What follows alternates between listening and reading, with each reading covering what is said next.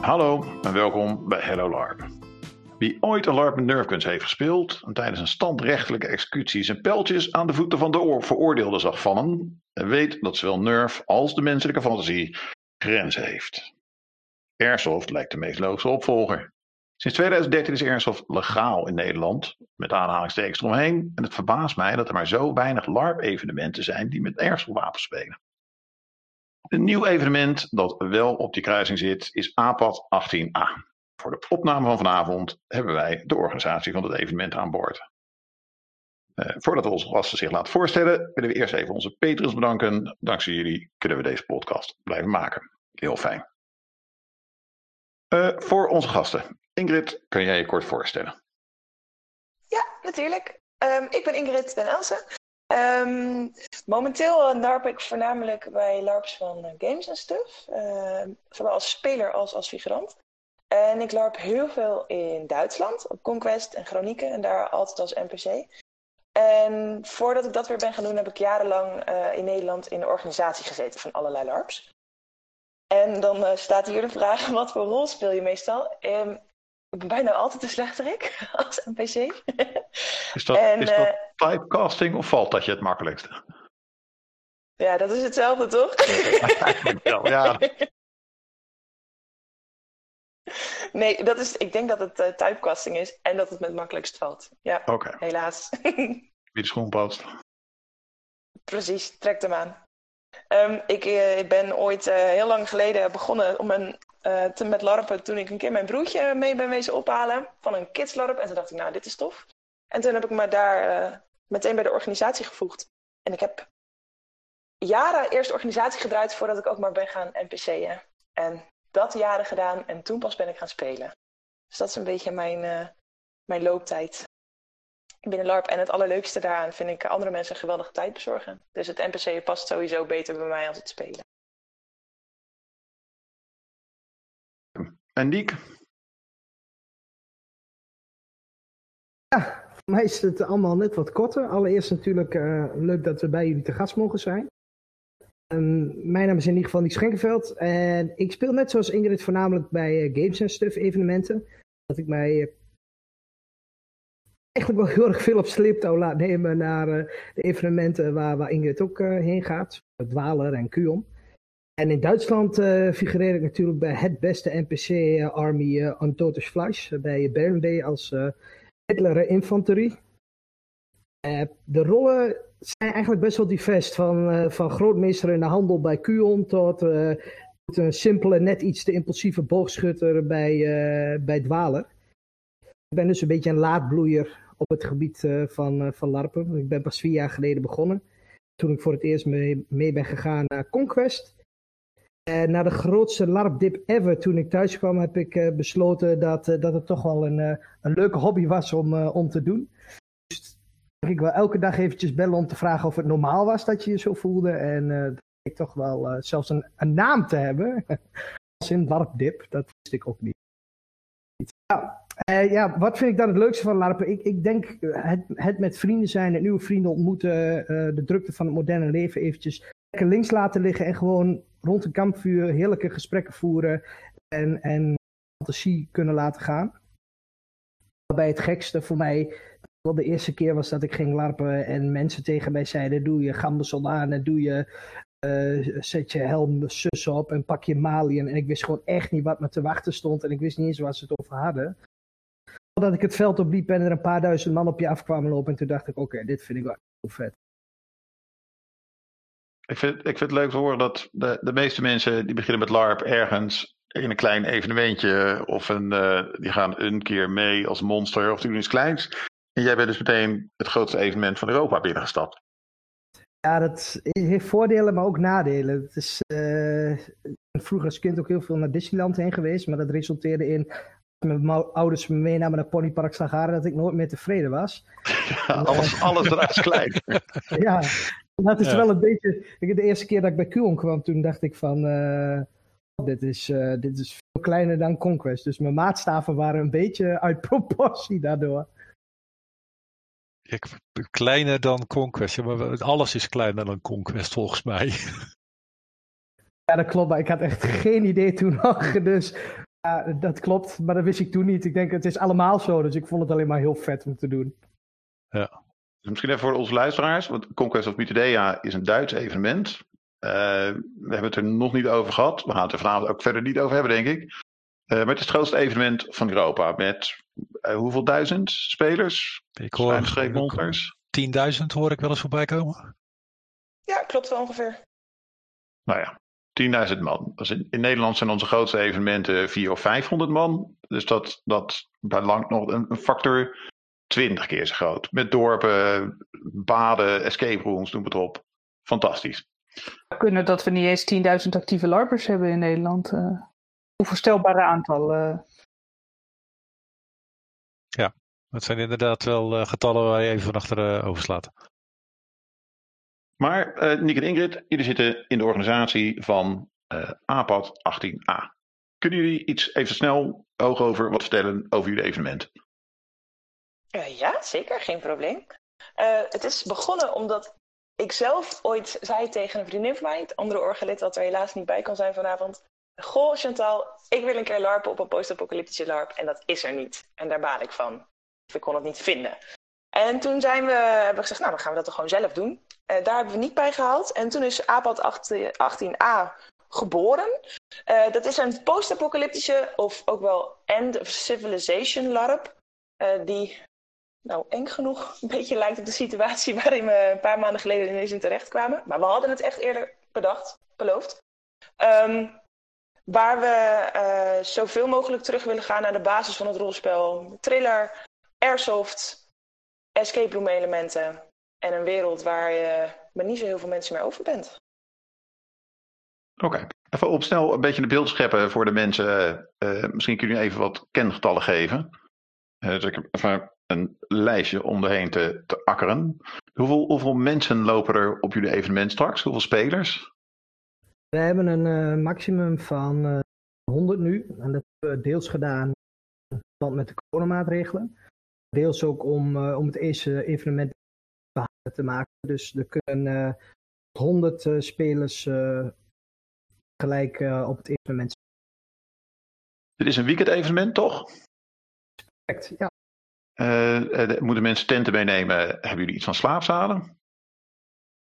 Moeten ze tenten meenemen? Nee. Is het handig? Ja. Hebben we slaapzalen? Niet echt. Oké. Okay. Dus je gaat eigenlijk wel van een kampeerevent uit? Correct, ja. ja, ja.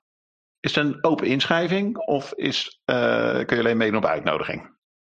We hebben de figurant in eerste instantie op, uh, op uitnodiging gedaan. Uh, voornamelijk omdat we een heel specifieke personage zochten voor bepaalde rollen. Daarna hebben we de figurantenlijnen ook opengezet. Die is inmiddels gesloten omdat we te veel figurantenaanmeldingen kregen. Dus die zitten vol vooralsnog. En spelers mogen zich altijd vrij aanmelden, sowieso. En wat kost een weekend voor een speler? Een speler zit 88, 88, inclusief het eten. Oké, okay. wat, een bijzonder, uh, wat een bijzonder bedrag. Daar is over nagedacht. Daar is ja, over dat vermoed dat ik al. Um, uh, nou, even, wat, wat, wat uh, jullie hebben uh, kort wat verteld natuurlijk over het evenementje. wat, wat maakt het bijzonder? Wat is jullie unique selling point anders dan Airsoft? Waar het bij Airsoft voornamelijk gaat om, uh, om, om de gevechten en niet zozeer om de interactie tussen de mensen zelf, uh, is Airsoft bij ons een element wat een stukje dreiging toevoegt aan het verhaal. Het verbetert de, de, de, de, de van angst binnen je wereld. Maar de doelstelling is wel dat mensen eerst gaan leren praten met elkaar. En dat is iets wat ze bij Airsoft uh, minder doen. Ja, inderdaad. Wat ik zelf wel eens gedaan heb aan Airsoft, dat is maar één of twee keer geweest, is inderdaad, je wordt met een aantal mensen in een uh, afgesloten kooi uh, losgelaten en gaat elkaar maar afschieten. Er is weinig larp aan. Ja, dat klopt. Het is, ja, het is op zich natuurlijk al een, vorm van larp, alleen uh, roleplay-elementen zitten er wat minder in. Er wordt wat minder met elkaar gesproken, er wordt eerst geschoten en dan gesproken, dus dat is wel heel militair eigen. maar wij willen dat binnen onze larp toch wel graag Dat is wel interessant om door te gaan, want de, het, het, publiek wat jullie verwachten, de, de spelers, zijn dat mensen die veel gelarpt hebben of zijn dat mensen die uit het airsoft gebeuren komen? Ja, het wisselt op zich wel. Uh, zowel mensen die vanuit de airsoft-wereld komen, als mensen die proberen vanuit de LARP-wereld, vanuit andere LARPs alsnog bij ons te komen. Dus dat wisselt enorm.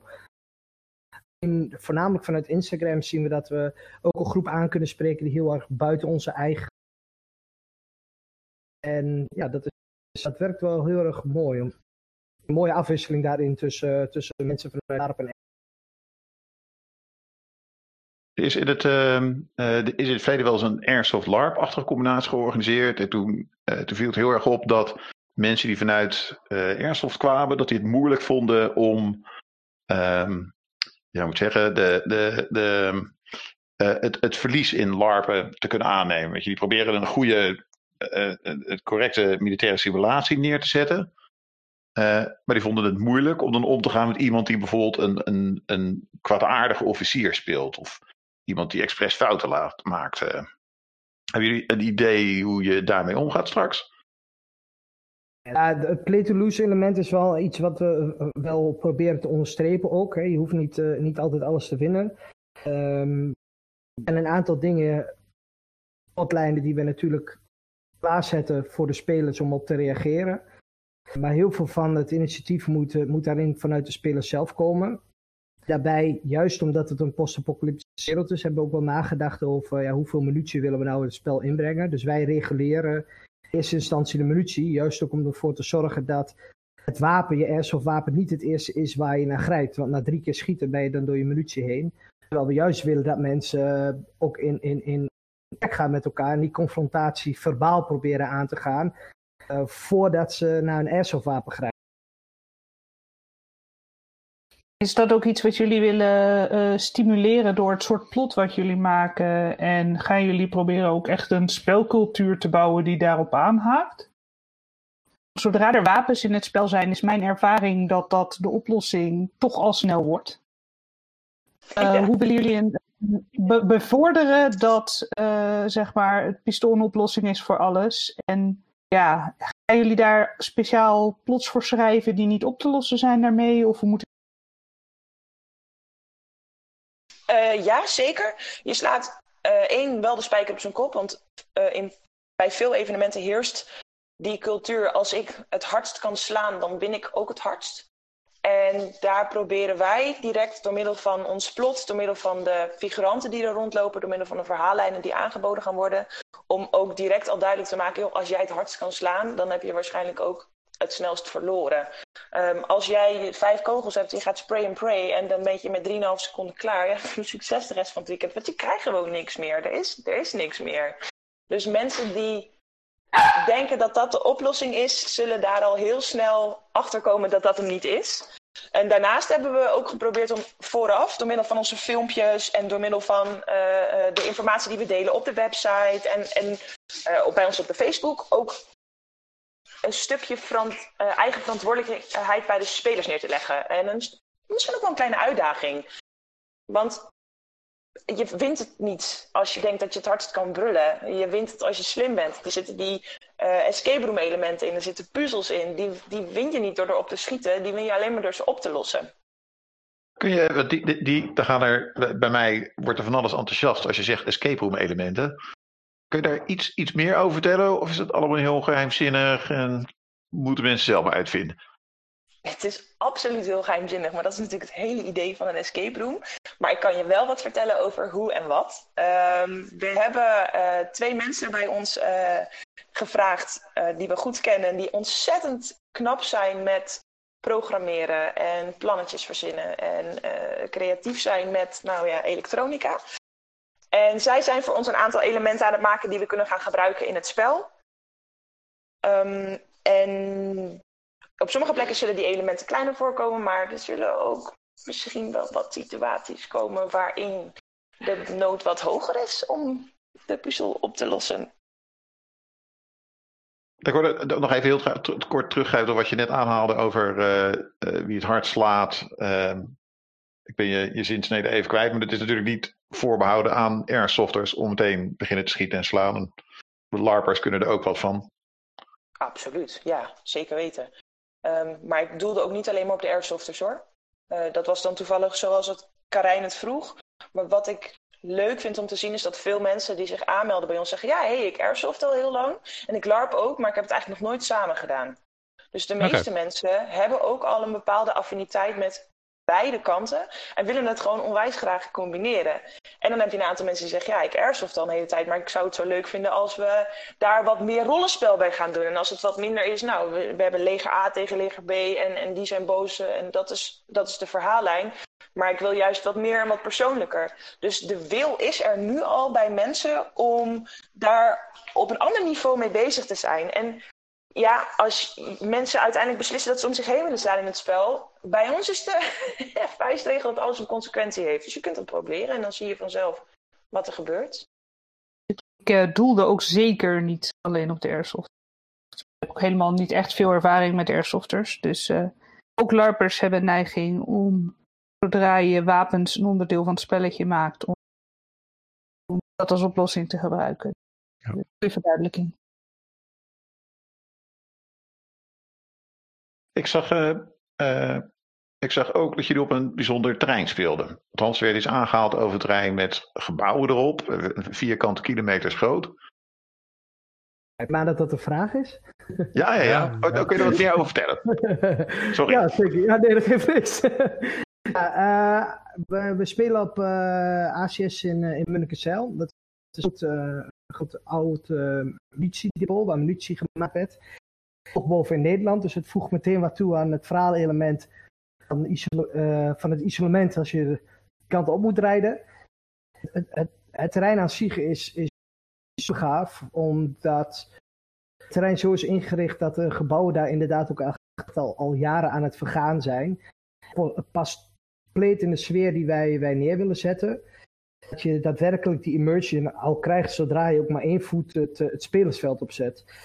Um, omtrek van het veld. Dus er loopt een grote weg zeg maar, om het hele uh, terrein heen. Daar kun je alleen mensen al twee kilometer op laten lopen. Dat is tof. Ja, dat is super tof. Uh, het is heel erg bebost, dus we hebben net nog weer een post op, op Facebook gezet van, uh, van iemand die in, in een ghillie suit ligt. De, de, de, dreiging kan jij denkt, ik ga in mijn eentje door het bos heen eh, dwalen, dat, dat mag. Alle plezier. Maar de kans dat je daar een confrontatie uh, door uitlokt is vrij groot. Ja, cool. Dus voor mensen die uh, bijvoorbeeld niet uh, een geweldige conditie hebben of een handicap, het is ook goed te spelen zonder dat daar gebruik van wordt gemaakt. Het is een, een extra feature, moet ik dat zo zien? Is er ook een, er is wel een basisplek waar je ook kan blijven. Ja, zeker. Het ligt een beetje aan uh, waar, waar wil de speler beginnen. We hebben uh, het gedeelte van de haven. Dat is een van de bunkers uh, die in de tijd van, van het uitbreken van de oorlog in het spel door Safeguard, want dat heeft dat die bunkers gebouwd heeft. Die, die zijn gestart met het bouwen van, van bunkers. Daar begint een gedeelte van, van de spelers. Andere, ook de andere heten, komen aan het gebied weten verder van niks. En die moeten zich inderdaad nog wel verplaatsen door het bos heen. Uh, die gaan echt een hele tocht maken voordat ze überhaupt uitkomen bij, uh, bij de haven. Dat is misschien wat minder toegankelijk voor een rolstoel. Uh, maar mochten mensen dat echt heel graag willen, ja, weet je, wel een oplossing. Dan moeten ze maar verdragen. Dan zijn jullie de, de nou ja, nog even terugkomen op Airsoft. Um, uh, ik, ik zei bij de introductie al airsoft uh, tussen, tussen legaal, tussen quotejes. Nou ben ik niet heel bekend met de regels om airsoft, maar volgens mij mag je airsoftwapen alleen op uh, daarvoor aangewezen terreinen gebruiken. Dat is correct. Um, er zijn speciale locaties in Nederland waar dat mag. Daarom was voor ons de locatiekeuze heel bepalend in wat voor een spel kunnen we neerzetten. Juist omdat je niet overal zomaar uh, een airsoftwapen tevoorschijn mag offeren. Het grote voordeel is wel, uh, als we op een erkend terrein doen, is dat um, je ook als introduceer mee kan. Dus als jij nog nooit een airsoftwapen hebt geraakt, kun je ervoor kiezen om te zeggen, nou, als introduceer mee. En dan mag je in ieder geval ook de airsoft wapens die in het spel aanwezig zijn pakken. Want mag dat officieel al niet eens als je een lid bent van de... Kan... Ja, ja. ja dat, dat, dat, dat weet ik toevallig ook eh, vanuit vrienden van mij die met airsoft zijn. Als je geen vergunning hebt, mag je niet eens een wapen in huis hebben. Uh, geen airsoft wapen, dat klopt. Ja, ja. Je mag geen replica's uh, in, in huis hebben als je niet lid bent van de NABV.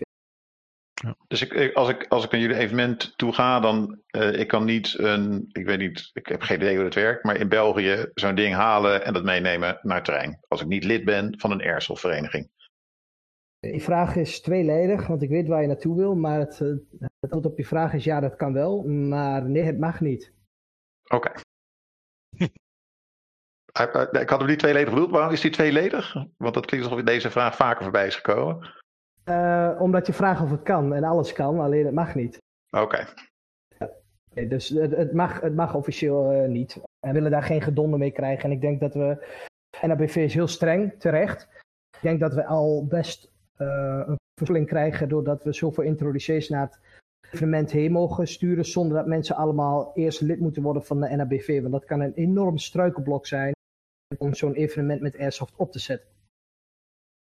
Ja. ja heeft, heeft elke speler een airsoft wapen? Uh, nee, sterker nog, we willen niet eens dat elke speler een airsoft wapen heeft. We vragen spelers juist om in hun achtergrond weg te schrijven. Hoe ben jij aan je airsoft wapen of aan je wapen gekomen? Ja, er is oorlog geweest, uh, wat uiteindelijk samen met het ertoe geleid heeft dat de beschaving 3% uitgestorven is. Dat betekent niet dat iedereen maar een wapen heeft opgepakt en aan de slag is gegaan. Juist dat mensen ook in hun achtergrond wegschrijven van hoe kom je nou aan het wapen. Dat vind ik eigenlijk wel een heel mooi bruggetje. Ik ben heel erg benieuwd naar de personages. Wie schrijft de personages? Uh, doen jullie dat? Doen de spelers dat? Is dat in samenspraak? Hoeveel wordt er gedaan met achtergronden, met groepen? Kun je daar wat meer over vertellen? Absoluut. Uh, we hebben een fantastisch VL-duo, bestaande uit Chantal en Niek, die samen uh, het verhaal helemaal vormgeven hebben, de plotselijke schrijven, de geschiedenis, alles. Um, en zij hebben ook de NPC-personages allemaal vormgegeven. De spelers mogen dit zelf doen. Dus de spelers mogen, ze worden ontzettend vrijgelaten in wat ze willen spelen. We geven ze natuurlijk hier wel een aantal handvatten in mee. Want je, je ontkomt er niet aan dat als je in de bunker begint, dat je ook een gedeelte gezamenlijke geschiedenis hebt. Maar verder mogen mensen compleet zelf bedenken wat ze leuk lijkt om te doen. Is daar dan een balansbewaking in vanuit jullie? Want bij volstrekte vrijheid zie je nog wel eens dat heel veel mensen hetzelfde gaan doen. Ik bedoel, bij Airsoft is de logische aanname dat heel veel mensen een militair gericht poppetje willen spelen of een uh, combat gericht poppetje. Um, is, hebben jullie dan maximum aantal of proberen jullie bij te sturen als blijkt dat iedereen dat gaat doen? Of gaan jullie dan het verhaal aanpassen? Als mensen aangeven dat ze in de bunker willen starten, dan hebben ze al iets minder keus. Want we hebben een bunkermeester en dat ben ik. En ik beslis wat er nodig is voor de bunker. Al zeg jij, ja, ik wil heel graag voor levensonderhoud macrameeën. Dan zeg ik, nou, dat is fijn, maar dat heb ik helemaal niet nodig. Ik heb namelijk iemand nodig die nu door de bosjes gaat lopen op zoek naar de volgende planten en dingen om te eten. Of die naar de dichtstbijzijnde supermarkt gaat om te kijken of daar nog wat te eten te halen is. Dus we reguleren in zoverre dat het verhaal en dat wat we de spelers meegeven er ook voor zorgt dat ze een goed idee hebben van wat er past binnen de wereld en wat ze nog kunnen doen. We vragen ook iedere speler uh, met klem om hun achtergrond in te sturen. Zodat we ook van tevoren weten wat willen mensen gaan doen. Dan kunnen we daar eventueel ook iets mee, maar kunnen we ook vragen stellen als iets niet helder is of her en der bijsturen indien nodig. Maar dat is gelukkig nog niet nodig. Ik vond uh, wat jullie heel slim deden, was die, die, die stroom aan filmpjes op Facebook. Hebben op Facebook heleboel filmpjes met uh, waar je bijvoorbeeld door de, de kleding heen loopt en zaken aanwijst en uitleg doet over, uh, over maskers die iedereen moet dragen, bijvoorbeeld, gezichtsmaskers. Dat vond ik, uh, dat vond ik wat toevoegen. Dat vond ik heel slim. We hebben daar eigenlijk een beetje voor gekozen omdat we. Nou, hoe kunnen we mensen nou zo goed mogelijk voorbereiden? Hoe kun je mensen ook alvast enthousiast maken? Helemaal in de tijden van corona, waar jullie uh, voor een van jullie vorige podcasts ook al met alternatieven. Uh, je kunt niet larpen, dus wat ga je dan, ga je dan nu doen? van de dingen die wij zeggen, we moeten mensen gewoon enthousiast maken voor, voor ons evenement. Hoe kunnen we mensen nou zo goed mogelijk voorbereiden? Daarmee sturen we ook mensen, mensen ook weer een klein beetje bijsturen van waar kies je nu voor in je uh, meespelen. En uiteindelijk Ingrid, wat, wat zij heel mooi aangaf, voor daar ook een beetje in bij. Maar het scheelt ook dat de bunker heeft gewoon een aantal dingen nodig. Als er alleen maar mensen zijn die willen schieten, dat is daarna. Bijvoorbeeld een computer die in de bunker staat. Als niemand het onderhoud gaat doen van uh, de bunker, dan zakken daadwerkelijk de percentages van zuurstof, van energie terug. En daar moet wel op gereageerd worden. Dus we, we, we proberen best wel wat leuke elementen bij elkaar te brengen, die we ook nog weer in nieuwe filmpjes gaan verwekken. Dat we mensen gewoon goed kunnen voorbereiden op het evenement. Uh, om nog heel even terug te komen op die airsofthoek. Hoe, uh, uh, hoe gaan jullie dat invullen qua spelregeltjes? Van wapen is, is redelijk duidelijk. Een map is een map. Mensen een aantal punten en die vallen dan om. Hoe gaan jullie dat doen met, met de airsoftwapens? Het is bij ons sowieso een combinatie. Je mag uh, je, een airsoft replica, als je dat goed wegschrijft, kun je dat als wapen gebruiken. Of, want daarvoor was het is een filmpje Pripyat. Je kunt ook gewoon met je, met je boog, uh, boog komen. Je kunt ook gewoon met je larpwapens komen. Het, het, idee van punten tellen kan ik enigszins begrijpen. Alleen waar wij naartoe willen is een meer realistisch beeld. Dat betekent als jij iemand op zijn plaatpanzer, op zijn plaat schiet, dus ongeveer in het vest schiet, heeft dat geen effect op, uh, op de persoon die er staat. Hij moet wel de hit uitspelen, want als jij door een kogel op je voel je dat dat maar word je bijvoorbeeld één keer in je arm geraakt, dan ben je gewond aan die arm en dan moet daar iets mee gebeuren. Het medische verhaal speelt daardoor een ontzettend belangrijk element in, in onze wereld. Dat, dat, dat het aan elkaar gekluisterd. Daarbij pakken we wederom de mogelijkheid van oké, leuk dat jullie alleen maar willen schieten, maar we hebben dus niemand die nu dingen doet. Dus als je één keer geraakt wordt en je wordt uh, ergens uh, uh, in, in, je boskas heeft dat grote effecten voor jou als, als speler. Dus ondanks dat ze misschien ervoor kiezen om dingen anders te doen en graag met airsoft bezig te willen gaan, dat allemaal een beetje hand in hand samen. Dus de doelstelling voor ons qua, qua raken mensen gewond, daar hebben we drie gradaties in. Je bent licht gewond als je op een uh, arm of been geraakt wordt. Je bent zwaar gewond als je meerdere keren op arm of benen geraakt wordt in je boskast. Of zo. En je bent direct levensbedreigend gewond als je bijvoorbeeld in, of als je de pech hebt en de bibi tegen je hoofd aankrijgt. Op die manier spelen we het uit. Er zitten dus ook verschillende gradaties in van de medische hulp die dan gegeven moet worden. Die, die, eh, die, die, die BB-kogels, uh, ik, ik ben er nog nooit door geraakt. Hoe voelen die? er wordt gelachen.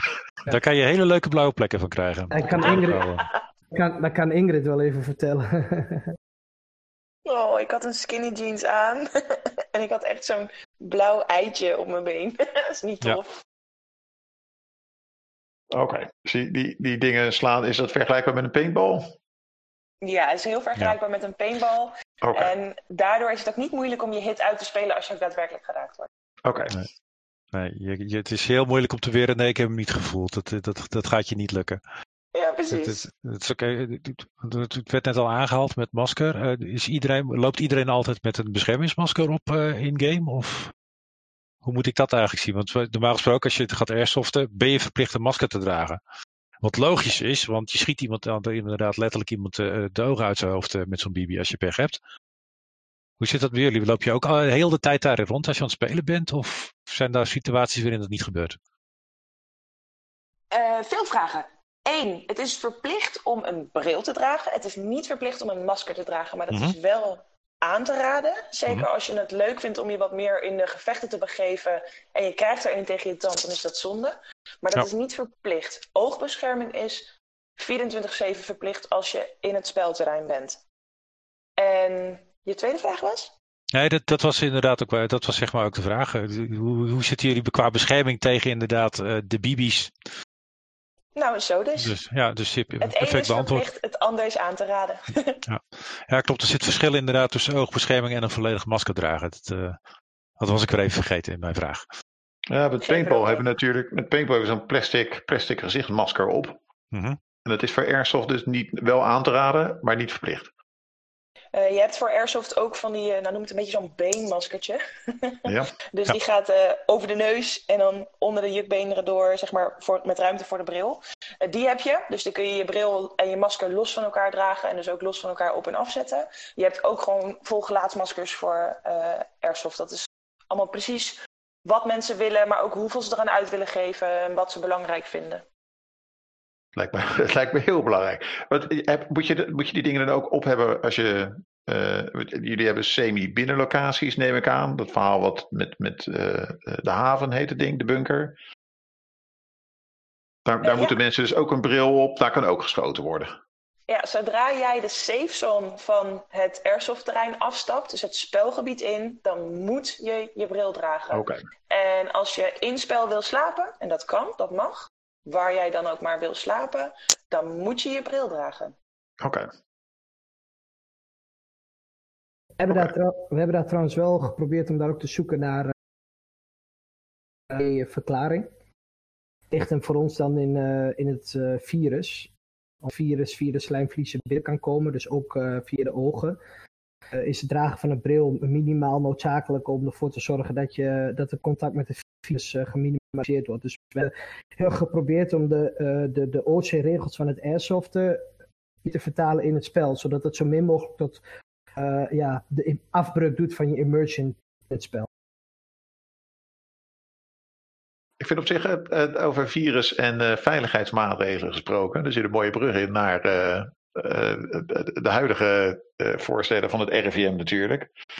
Want jullie zijn denk ik een van de eerste evenementen die weer gaat draaien sinds eh, de lockdown. Hoe, eh, hoe gaan jullie om met de. eh er is een heleboel discussie over in, eh, in LARPland. Hoe gaan jullie om met de maatregelen van het RIVM zoals die nu worden voorgesteld? Ik heb samen met de veiligheidskundige naar een evenement gekeken en we hebben een uitgebreid, ik geloof dat het 28 pagina's centraal is aan documentatie geschreven om de bedrijfshulpverlening binnen het evenement en de coronamaatregelen. Eh, volgens mij een geleden hebben we een poster gelanceerd waarop de elementen zijn waar wij rekening mee houden omtrent corona. Kijkend naar ons spel en de ruimte die we hebben en juist de, de, het uitbraak van een virus binnen ons spel ook, we het eigenlijk een klein beetje ook als extra immersion die ervoor zorgt van ja, ook, ja, we zijn verplicht om anderhalve meter afstand te houden. We hebben daardoor juist ook een uniek spelelement waar iedereen zich aan moet houden vanuit het RIVM. Maar wat voor ons, juist door de uitbraak van een virus binnen ons spel, één op één kan aansluiten. Ik kan me voorstellen bij een fantasy LARP, eh, waar je normaal gesproken dat element niet hebt, is het lastiger om dat ineens te implementeren. Maar bij ons maakt het deel uit van de spelwereld. Ik heb, een, ik heb ooit zelf een, eh, post-apocalyptisch LARP gedaan. Eh, en dat was de rijkste man van het hele spel. was iemand die had een hele grote zak met wegwerptandenborstels in plastic. En die verdiende zijn, eh, die ruilde alles bij elkaar en zijn kogels en zijn wapens. door dat om te zetten in aantal tandenborstels. eh. Ja, nu is dat wc-papier, eh, hebben we ook al Ja. gezien. Dus het is helemaal niet gek dat hygiëneproducten uit, en luxe producten uiteindelijk hetgeen zijn waar mensen helemaal lijp voor gaan. Ehm, ehm, eh, we hebben heel veel gehad over terrein en, en, en, en praktische zaken. Maar qua, eh, qua verhaal en qua, qua sfeer en qua setting, waar halen jullie je inspiratie vandaan? Ja, ik ben daarachter gekomen dat ik eigenlijk best wel een, een geest heb. Er komt heel veel, eh, heel veel inspiratie vandaan. Samen met Chantal hebben we, en Ingrid hebben we ook gegeten van ja, wa- wa- wa- als we nu kijken naar de post-apocalyptische series en games die er zijn, het geeft de sfeer af die wij willen. En één ding wat we heel duidelijk niet willen, is de Mad Max slarp tafereelen qua kledingstijl, maar ook qua sfeer. Dat is, dat is niet wat we willen. Wij zitten heel erg te kijken naar de elementen die je in The Rain voorbij ziet komen. En de elementen die je in het begin van The Walking Dead, zonder de zombies. Die zijn bij Ja. ons geen, eh, geen ding. Maar daar, daar zie je eigenlijk een wereld die, die, die in de, in, in de bloei van alles tot stilstand gekomen is. Mensen nog in, uh, in gewone kleding rondlopen zonder allerlei uh, leren strings en, en corsetten en bikinis. Um, hebben wij, worden we echt waarvan je zegt, oké, dit, dit, kan, dit had zo morgen kunnen gebeuren. En daar halen we onze inspiratie ook, uh, ook vandaan. Dus het zijn de, de, spelers, de, de, de, zitten, zeg maar, het einde van de geciviliseerde wereld ligt niet heel ver achter je. De mensen kunnen zich nog herinneren. Ze hadden kantoorbanen en, en, en huizen met een plastic zwembadje achterin. Ja, ja dat klopt. Um, sterker nog, um, in, in ons spel, wat, wat er nu een beetje gebeurt, en dat is het, daarom werd het eigenlijk steeds enger. Uh, kijkend naar de ontwikkelingen die er nu zijn uh, en de onrust die er ontstaat, kunt, wat er nu gebeurt in de wereld, en dat zal verder escaleren. Um, het begint bij ons allemaal een beetje in 2040 uh, te draaien. Maar daarvoor ligt bijvoorbeeld de NAVO komt, komt ten einde. Uh, en dat wordt vervangen uiteindelijk. daar komt een, een, een nieuw verbond wat binnen Europa en Amerika gevormd wordt. En, en het gaat steeds verder escaleren. Als westerse civilisaties zeggen, we stoppen ons te richten op landen om ons heen, op ons te richten op wat er gebeurt in Afrika. We gaan voor onszelf zorgen. Alles wat we nu aan noodhulp continu spenderen, gaan we naar onze eigen mensen uh, doen. We gaan eerst onze eigen economie weer draaiende te houden. En die ik-ik-ik mentaliteit zorgt voor een stukje uh, curtain om Europa heen, waardoor we ook niet meer zoveel zicht hebben op wat de rest van de wereld aan het heb je daarin ook een beetje laten lenen door uh, de, eerste, de eerste weken van, van de, de, de coronacrisis? Absoluut niet, want we hadden alles al, dat, hoe wij wouden beginnen, hadden we allemaal al staan voordat corona uitbracht. Dus wij hadden APAT 18 gegimd. En dan hebben hun denk ik voor COVID-19 gekozen.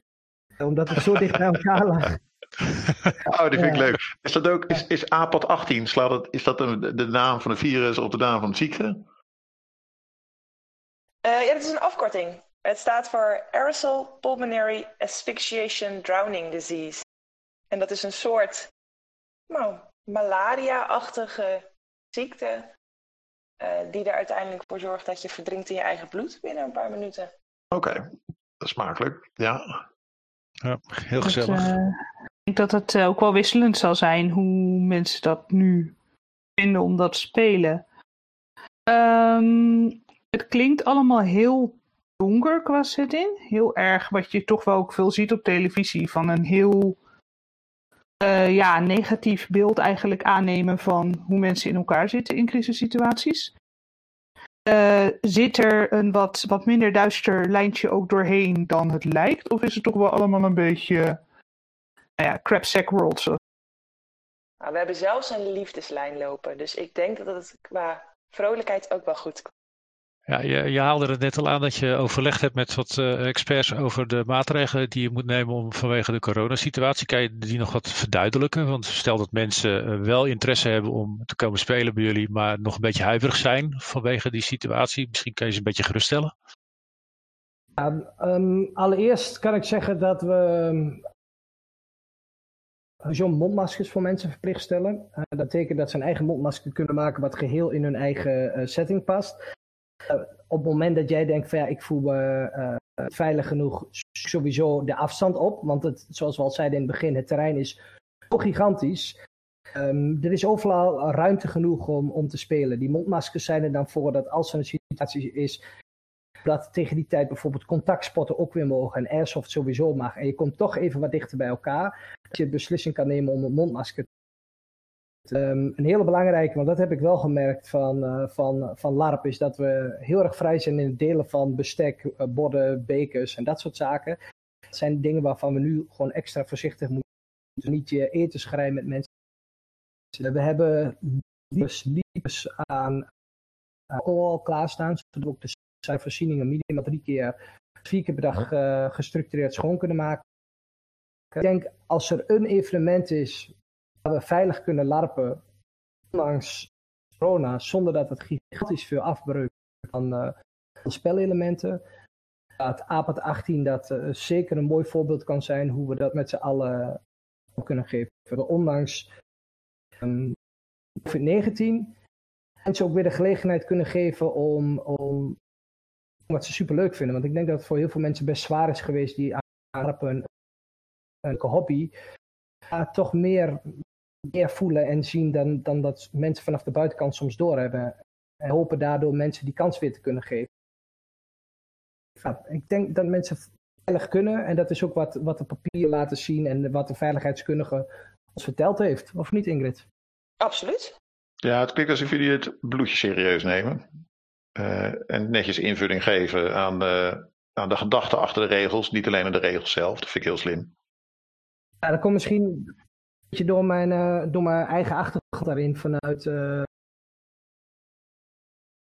zelf tien jaar bij Defensie gezeten als militair pleegkundige. We houden ons nou bezig met alles op het gebied van, veiligheid. Alles wat daarmee te maken heeft. Een netwerk ook aan mensen die daar verstand van hebben, zoals veiligheidskunde. Het was voor iedereen een heel mooi puzzel om eens te kijken hoe we dat uh, veilig en ook leuk konden gaan doen. Ik, hoop, uh, ik hoop dat andere verenigingen en evenementen zich ook laten inspireren hierdoor. Ik ben het, uh, ik ben het thuis zitten, zitten eigenlijk ook wel zo. Ik ben Je hier, niet... Man, spuugzat. Hoor, hoe, meer er, hoe meer er weer komt, hoe, wat gewoon inderdaad te doen is qua setting en alles, hoe beter het is. Nou ja, dan weten jullie nu in elk geval waar je allemaal naartoe kan het eerste weekend van september. Eerste weekend van september. Hebben jullie nog spelersplaatsen open op een band? Absoluut hebben we die nog over. Stel dat mensen zich willen inschrijven, waar kunnen ze naartoe? Waar kunnen ze jullie vinden? We hebben een website www.apad18a.nl. Um, als je ons googelt, omdat je niet helemaal precies weet hoe je APAD schrijft, dan vind je ons ook. Uh, of je kunt via de Facebook uh, daar ook komen. Daar hebben we ook een doorlinkje staan naar de website. En via de website hebben we een ticketshop waar je gewoon je ticket kunt aankopen. Ik ben aan het bedenken of ik nog een gat heb in mijn agenda. Um, Iedereen heeft gaten in zijn agenda, want het is coronatijd. Ja, ja. ja. Ik, we gaan uitzoeken. Um, uh, wat een steengoed verhaal. Ik vind het heel dapper dat jullie uh, dus als eerste uh, de handschoen oppakken en weer wat organiseren. En ik vind het ook super fijn om te horen uh, dat het en iets nieuws is. En dat jullie, wat ik al zei, uitermate netjes rekening houden met alle regels zoals die gesteld zijn. en tenslotte wil ik jullie natuurlijk hartelijk bedanken voor jullie deelname hieraan, aan deze podcast. Graag gedaan. Je bedankt. Ja, het was gezellig. Ja, ik uh, zit ook al spontaan op jullie website te kijken wat er toch allemaal zo bedacht is. Heel goed. en er komt ook steeds meer bij. Hiermee zijn we aan het einde gekomen van deze aflevering. Deze podcast die staat en valt met onze luisteraars. Als je verhalen hebt voor ons, of tips, of leuke onderwerpen, stuur ze dan naar ons toe via de Facebookpagina of via e-mail. En wie weet zie je in de nabije toekomst wel een aflevering voorbij komen met jouw woorden en jouw ideeën. Wil je nu dat in de toekomst de podcast blijft staan en nog beter wordt? Denk bijvoorbeeld eens aan om een donatie aan ons te doen of beter te worden via hellolarp.nl. Met 1 dollar in de maand help je ons al 1 dollar. En voor 5 dollar per maand krijg je eerder toe tot afleveringen, kun je een kijkje nemen in de notities en kun je stemmen op toekomstige afleveringen. Voor donaties, donaties kun je contact opnemen via de Facebookpagina. Tot de volgende keer.